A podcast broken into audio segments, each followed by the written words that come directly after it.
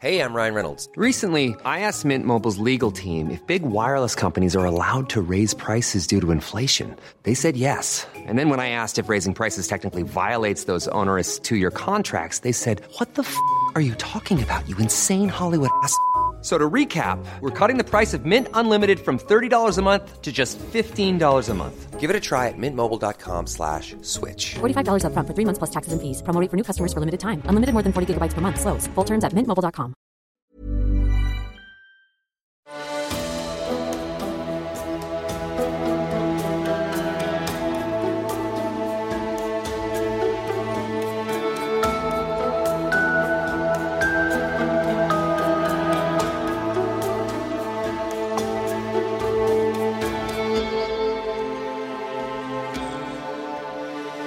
Velkommen til Seriemorderpodden, podkasten dedikert til seriemordere. Hvem de var, hva de gjorde og hvordan. Jeg er din ydmyke vert, Thomas Rosseland Wiborg Tune, og vi forlater ikke Jeffrey Dahmer riktig ennå. Forrige episode tok vi for oss Jeffrey Dahmers reiser til Tyskland og Florida, og hans faktiske og mulige forbrytelser der. I kveldens episode kan jeg glede deg, kjære lytter, med at vi biter av det første saftige kjøttstykket av Damers mer berømte kriminelle atferd. Byen er Milwaukee, stedene de homofile nattklubbene, og metodene vanligvis unevnelige, men ikke her på Seriemorderpodden. Her skjærer vi dypt og noterer oss alt.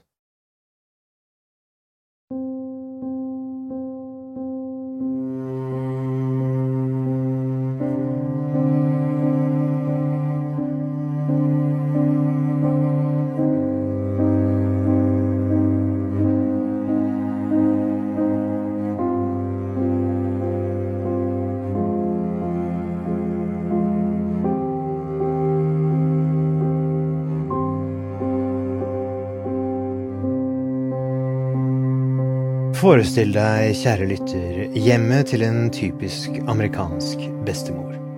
Pene, broderte duker, komfortable TV-stoler, familiebilder på veggene. I annen etasje et rom holdt av for hennes barnebarn, Jeffrey Dahmer. Som du kanskje så på Netflix, kjære lytter, oppdaget Dahmers bestemor der, i forbindelse med at hun rengjorde rommet hans, en naken mannlig mannekengdukke. Damer hadde lagt den under dynen oppi sengen sin. Naturlig nok fant Damers bestemor funnet av dukken svært forstyrrende, og krevde at Damer kvittet seg med den. Damer ville egentlig ikke det, dukken fungerte for ham som et ideelt utløp for hans fantasier. I dukken hadde han en villig sexpartner som aldri sa ham imot som aldri forlot ham, og som gjorde akkurat det han ville. Men han mistenkte at bestemoren kom til å mase på hans far hvis han ikke gjorde som hun sa, noe han for all del ville unngå. Dukken ble kastet, og bestemoren holdt munn om episoden. Kanskje syntes hun hele affæren rett og slett var pinlig, og ville glemme saken fortest mulig. Damer, derimot, sto nå uten noen mulighet for sine avsindige fantasier. Ikke kunne han dope ned mannlige ofre i byens mange homofile saunaer, han var bannlyst etter flere tilfeller. Ikke hadde han dukken sin, og ikke hadde han noen kjæreste som var villig til å underkaste seg slik han ønsket. En dag mens damer spiste frokost med bestemoren sin, presenterte løsningen seg for ham i hodet hans da han leste nekrologene i avisen. Han ville finne en nylig avdød ung mann og grave opp kroppen hans. På den måten resonnerte han for seg selv, kunne han virkelig ha sin vilje med en menneskekropp uten å måtte drepe personen. For de fleste ville en slik tanke forårsake avsky, men jo mer damer tenkte på det, jo mer begeistret ble han. Han måtte bare finne den riktige kandidaten. Etter å ha sett gjennom nekrologene fant damer til slutt en nylig avdød 18 år gammel mann som ble gravlagt ikke langt fra bestemorens hus. Damer bestemte seg for å iverksette planen sin i dekka av mørket. Han snek seg ut av sin bestemors hus midt på natten, gikk opp til kirkegården, fant graven til offeret hans og begynte å grave opp den unge mannens kropp. Men damer fant snart ut hvor vanskelig en slik oppgave er. Med bare én spade fant damer det vanskelig å grave seg gjennom den steinete jorden. Mange tror kanskje at eh, seks fot, altså snaue to meter, ikke er så fryktelig dypt. Men prøv selv. Det å grave gjennom hardpakket steinete jord er svært tungt og tidkrevende. Til tross for at han var ganske sterk og sprek, klarte han ikke å grave langt nok ned i graven. Etter å ha gravd en stund ble han også paranoid over at noen skulle se ham. Frustrert over den mislykkede planen sin pakket Damer verktøyene sine og dro tilbake til bestemorens hus. Frustrasjon bygget seg opp til sinne over sin fiasko, og han vendte tilbake til idédugnad om måter å skaffe seg en lydig kropp. Han vurderte å prøve å grave opp enda et nylig begravd lik, men vurderte det slik at etter rotet han etterlot seg på kirkegården, ville politiet og kirkegårdsvaktene være på utkikk. Han vurderte også å bryte seg inn i et likhus, men mangelen på kriminell erfaring hindret ham nok en gang i å gjennomføre planen. Tidlig i september 1986, omtrent fire år etter at han eksponerte seg for en mengde kvinner og barn på Milwaukee State Fair, begikk damer nok en gang en sexforbrytelse som involverte barn. Den 6. september brukte damer dagen på å drikke seg full da han tok seg til Kinnikik-elven, ofte omtalt av milwaukeeanere som KK-elven. KK-elven er ikke veldig lang, men den slynger seg gjennom sentrale Milwaukee. Den tiltrekker seg sin andel av omstreifere, narkotikabrukere og kriminelle. Den 6. september søkte den fremtidige seriemorderen Jeffrey Dahmer etter ofre ved KK-elva. Damer vandret drivende full langs bredden av elva med en spritflaske i hånden. Der la han merke til to unge gutter som lekte flere meter unna. Etter å ha fått oppmerksomheten deres tok damer ned buksene sine og begynte å onanere foran guttene. De to guttene ble skremt av det de så, stakk av og meldte fra om hendelsen til politiet. Da damer hadde drukket ferdig og begynt å forlate elvebredden, ble han oppsøkt og avhørt av politiet. Damer ble siktet for utuktig og uanstendig oppførsel, som regnes som en sexforbrytelse i delstaten Wisconsin. Nok en gang risikerte damer å komme i fengsel for en sexforbrytelse, men nok en gang var han i stand til å unngå den verste delen av straffen. Siktelsen ble redusert fra seksualforbrytelse til ordensforstyrrelse, og damer ble gitt en liten bot og satt på prøvetid i ett år. Prøvetiden var ikke intensiv, han måtte sjelden melde fra til en kriminalomsorgsbetjent, og ingen kriminalomsorgsbetjent besøkte ham noen gang hjemme hos bestemoren. I månedene etter arrestasjonen for KK-elva-hendelsen forsøkte damer nok en gang å spille rollen som det gode barnebarnet ved å gå i kirken med bestemoren og gjøre husarbeid rundt omkring i huset. Selv om Damers familiemedlemmer visste om hans siste arrestasjon, var han i stand til å distrahere alvoret i situasjonen ved å bruke sin naturlige sjarm. Han fortalte bestemoren og faren at han bare urinerte ved bredden av elva, og guttene tok feil og eller hadde vært forvirret. Han beroliget familien med at det ikke var mulig at han ville gjøre noe slikt foran barn. Jeffrey Damer hadde alltid et svar, og han visste det rette å si til rett tid. Damers forsøk på normalitet var lite mer enn et redskap, ment å ytterligere lette de kommende drapene. Mannekenger, lik og dopede menn var ikke lenger nok for Milwaukee-kannibalen. Han måtte torturere og drepe sine ofre. Etter å ha blitt svartelistet fra de homofile saunaene ble damer henvist til homofile barer og parker for å finne potensielle seksuelle partnere og senere drapsofre. Kvelden den 15. september 1987 møtte damer Steve Toomey på en homofil bar i Milwaukee, kjent som Club 219. Etter å ha drukket flere drinker sammen i baren, foreslo damer at de skulle gå til et motell for å fortsette festen. Duoen endte opp på det ikoniske Ambassador Hotel, som ligger i sentrum av Milwaukee nær Marquette University campus. Det kostbare hotellet, sammen med damers naturlige karisma, lokket den uvitende Toomy inn på hotellrommet. Steve Toomy forlot ikke Ambassador Hotel i livet. Ingen vet med sikkerhet hva som skjedde med Toomy på hotellet. Damer selv har i senere avhør sagt at han drakk seg så dritings at han fikk blackout. Da han våknet på hotellgulvet dagen derpå, lå Toomy ved siden av ham med blod i munnen og brystet knust. Om damer faktisk ikke husket å ha drept Toomy, spiller liten rolle. Faktum er at Toomy døde som følge av å ha blitt slått med knyttneve om igjen og om igjen, for til slutt å få brystkassen knust og dermed drukne i sitt eget blod.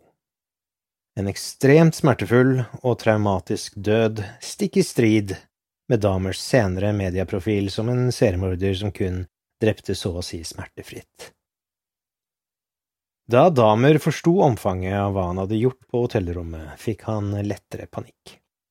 Ikke fordi han angret over å ha drept nok et menneske, men fordi han fryktet å bli oppdaget, noe sjansen var stor for, i og med at han befant seg på et fasjonabelt hotell midt i byen. Den umiddelbare risikoen var det hushjelpen som sto for. Han skyndte seg derfor med å henge opp et Ikke forstyrre-skilt på døren før han forlot rommet.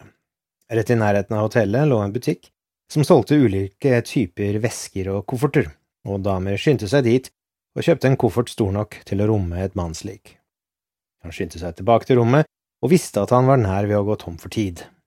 Rigor mortis Effekten som inntrer en viss tid etter døden, der den avdødes kropp stivner fullstendig, hadde ikke inntruffet ennå, men eh, hvis så skjedde, ville det ikke være mulig å stappe Toomi oppi kofferten. Heldigvis for damer var det forholdsvis lett å brette Toomis lik sammen og få det oppi kofferten. Da kofferten var lukket, dro han den med seg ut i gangen og ut på gaten. Et annet problem damer sto overfor, var det faktum at han ikke eide en bil han kunne putte kofferten i bagasjerommet til. Han gjorde derfor det enhver psykopatisk seriemorder uten bil ville gjort. Han vinket til seg en taxi og lempet kofferten opp i bagasjerommet til drosjebilen. Sjåføren syntes ikke noe ved damer var alarmerende. Han var en kjekk ung mann med en tung koffert på reise. Da taxien ankom til bestemorens hus, hjalp sjåføren damer med den tunge bagasjen hans og kjørte av sted. There's never been a faster or easier way to start your weight loss journey than with PlushCare. PlushCare accepts most insurance plans and gives you online access to board-certified physicians who can prescribe FDA-approved weight loss medications like Wigovi and Zepbound for those who qualify. Take charge of your health and speak with a board-certified physician about a weight loss plan that's right for you. Get started today at plushcare.com slash weight loss. That's plushcare.com slash weight loss. plushcare.com slash weight loss. Millions of people have lost weight with personalized plans from Noom, like Evan, who can't stand salads and still lost 50 pounds. Salads generally for most people are the easy button, right? For me, that wasn't an option. I never really was a salad guy. That's just not who I am. But Noom worked for me. Get your personalized plan today at Noom.com. Real Noom user compensated to provide their story. In four weeks, the typical Noom user can expect to lose one to two pounds per week. Individual results may vary.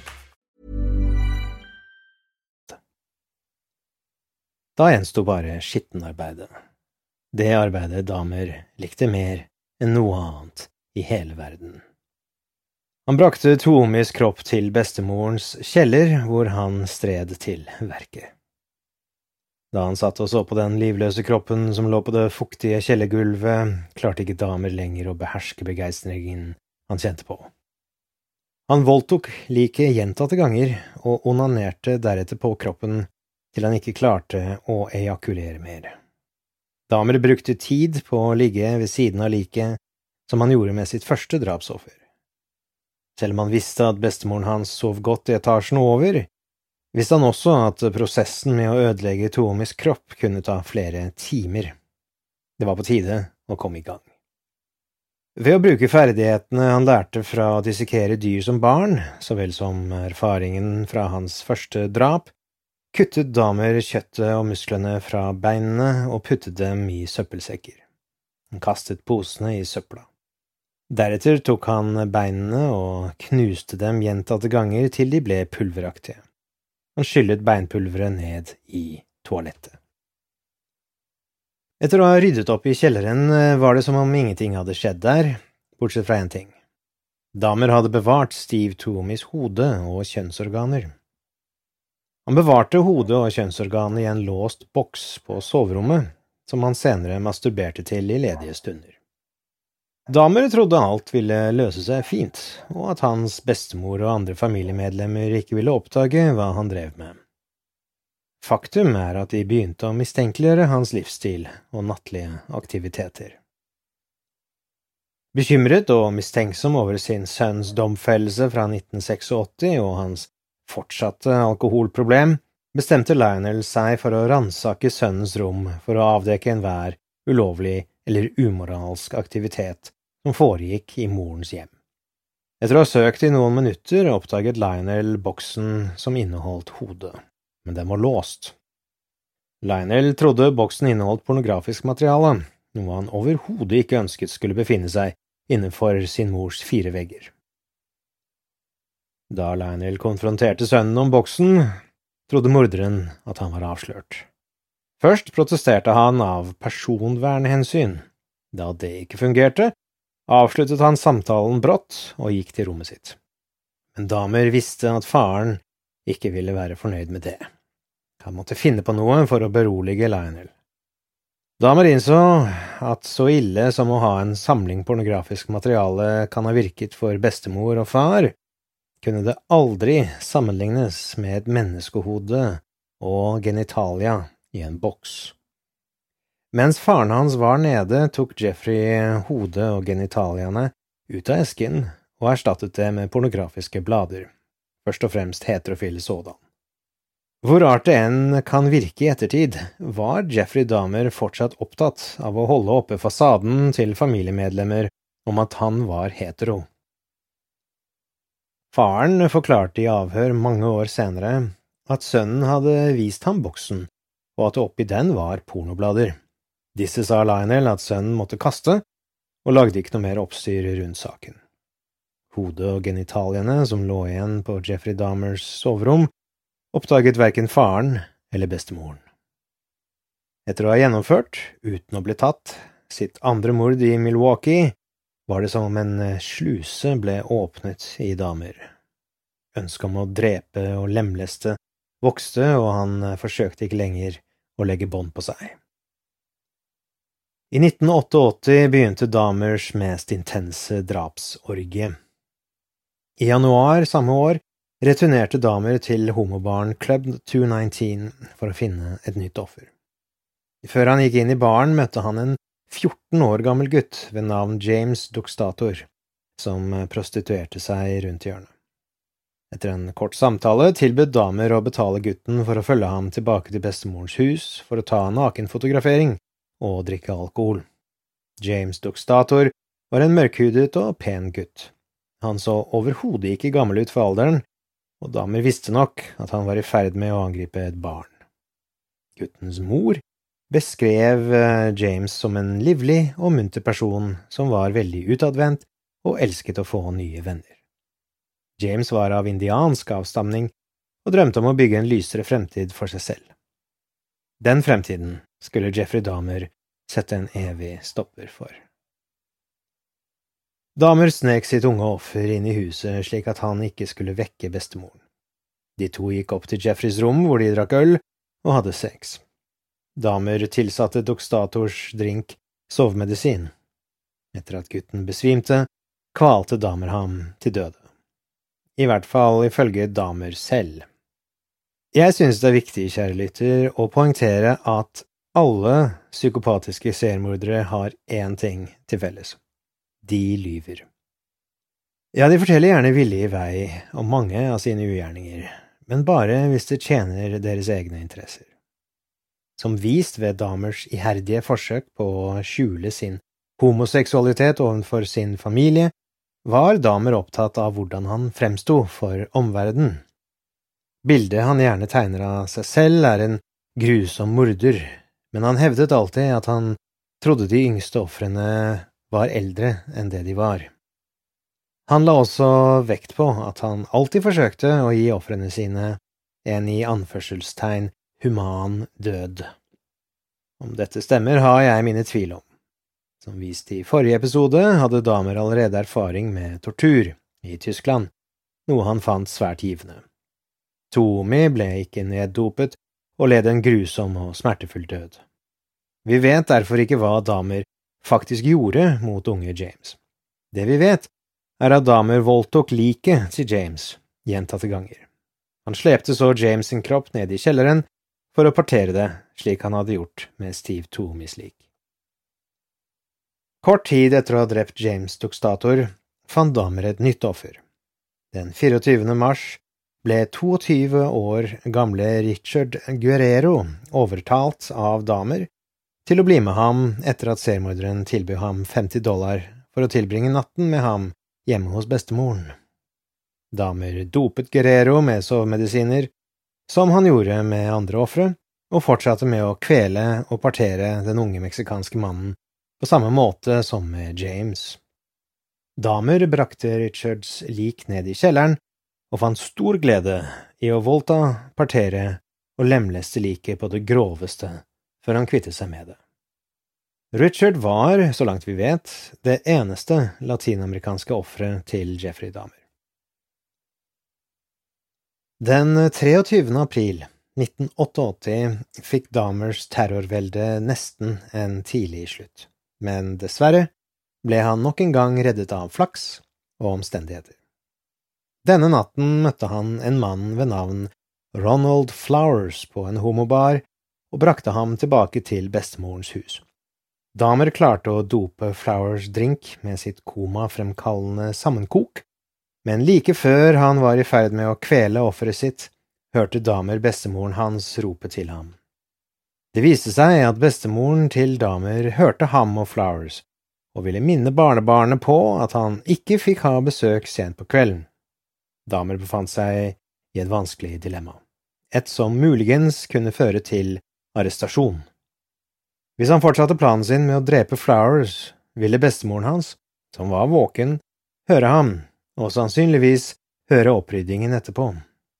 Å la Flowers gå virket ikke som et veldig godt alternativ for seriemorderen, men jo mer han tenkte på situasjonen, jo mer innså han at det var hans beste alternativ. Det eneste problemet var at Flowers var i en fryktelig neddopet tilstand. Effekten av sovepillene etterlot Flowers i en halvbevisst tilstand som damer fryktet kunne føre til døden. Hvis damer lot ham forlate huset, var det en sjanse for at Flowers ville dø i nabolaget, og dermed bringe uønsket oppmerksomhet fra naboene mot damer. Dessuten var det en sannsynlighet for at Flowers ville gå rett til politiet og gi dem damers adresse hvis han lot Flowers gå. Etter nøye overveielse bestemte damer seg for å få tak i en drosje og bringe Flowers til et sykehus. Etter at han slapp av Flowers på legevakten, gikk det dopede offeret umiddelbart til politiet for å anmelde overfallet. Flowers visste ikke at han så vidt slapp unna klørne til en seriemorder, men han rapporterte å ha blitt dopet og ranet. Dessverre tok ikke politiet Flowers sin anmeldelse på alvor. På grunn av hans neddopete tilstand kunne ikke Flowers huske den nøyaktige adressen til Damers hus, noe som fikk politiet til å tro det ikke var noe mer enn en krangel mellom to homofile elskere. De ønsket ikke å bli involvert i noe slikt, og saken ble raskt henlagt. Selv om Damer klarte å unngå politiet, ble bestemoren lei av livsstilen hans. Hun klaget til eh, Damer og faren hans over den stygge lukten som kom fra kjelleren, og hun uttrykte sin misnøye over den konstante strømmen av unge menn inn i hjemmet hennes til enhver tid på døgnet. Damers konstante alkoholkonsum var heller ikke populært. Bestemoren fant stadig tomme ølbokser og spritflasker strødd rundt på rommet hans og i kjelleren. Jeffrey Dahmer så ikke lenger ut til å bry seg om hva bestemoren hans syntes om ham og hobbyene hans.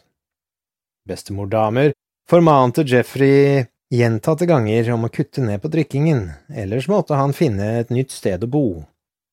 Selv om hun var opprørt over de unge mennene som kom eh, til huset sent på kvelden, hørte hun dem merkelig nok aldri gå.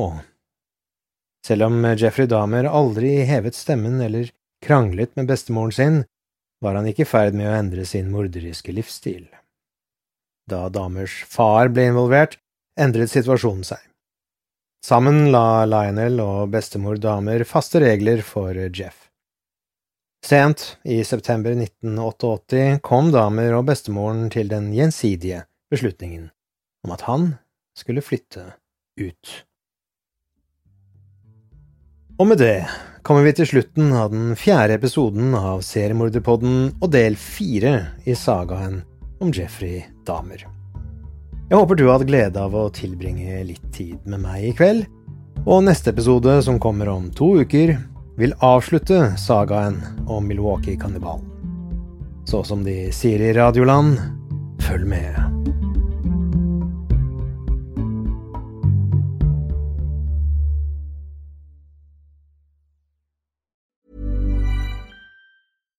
Hi, I'm Daniel, founder of Pretty Litter. Cats and cat owners deserve better than any old fashioned litter. That's why I teamed up with scientists and veterinarians to create Pretty Litter. Its innovative crystal formula has superior odor control and weighs up to 80% less than clay litter. Pretty Litter even monitors health by changing colors to help detect early signs of potential illness. It's the world's smartest kitty litter.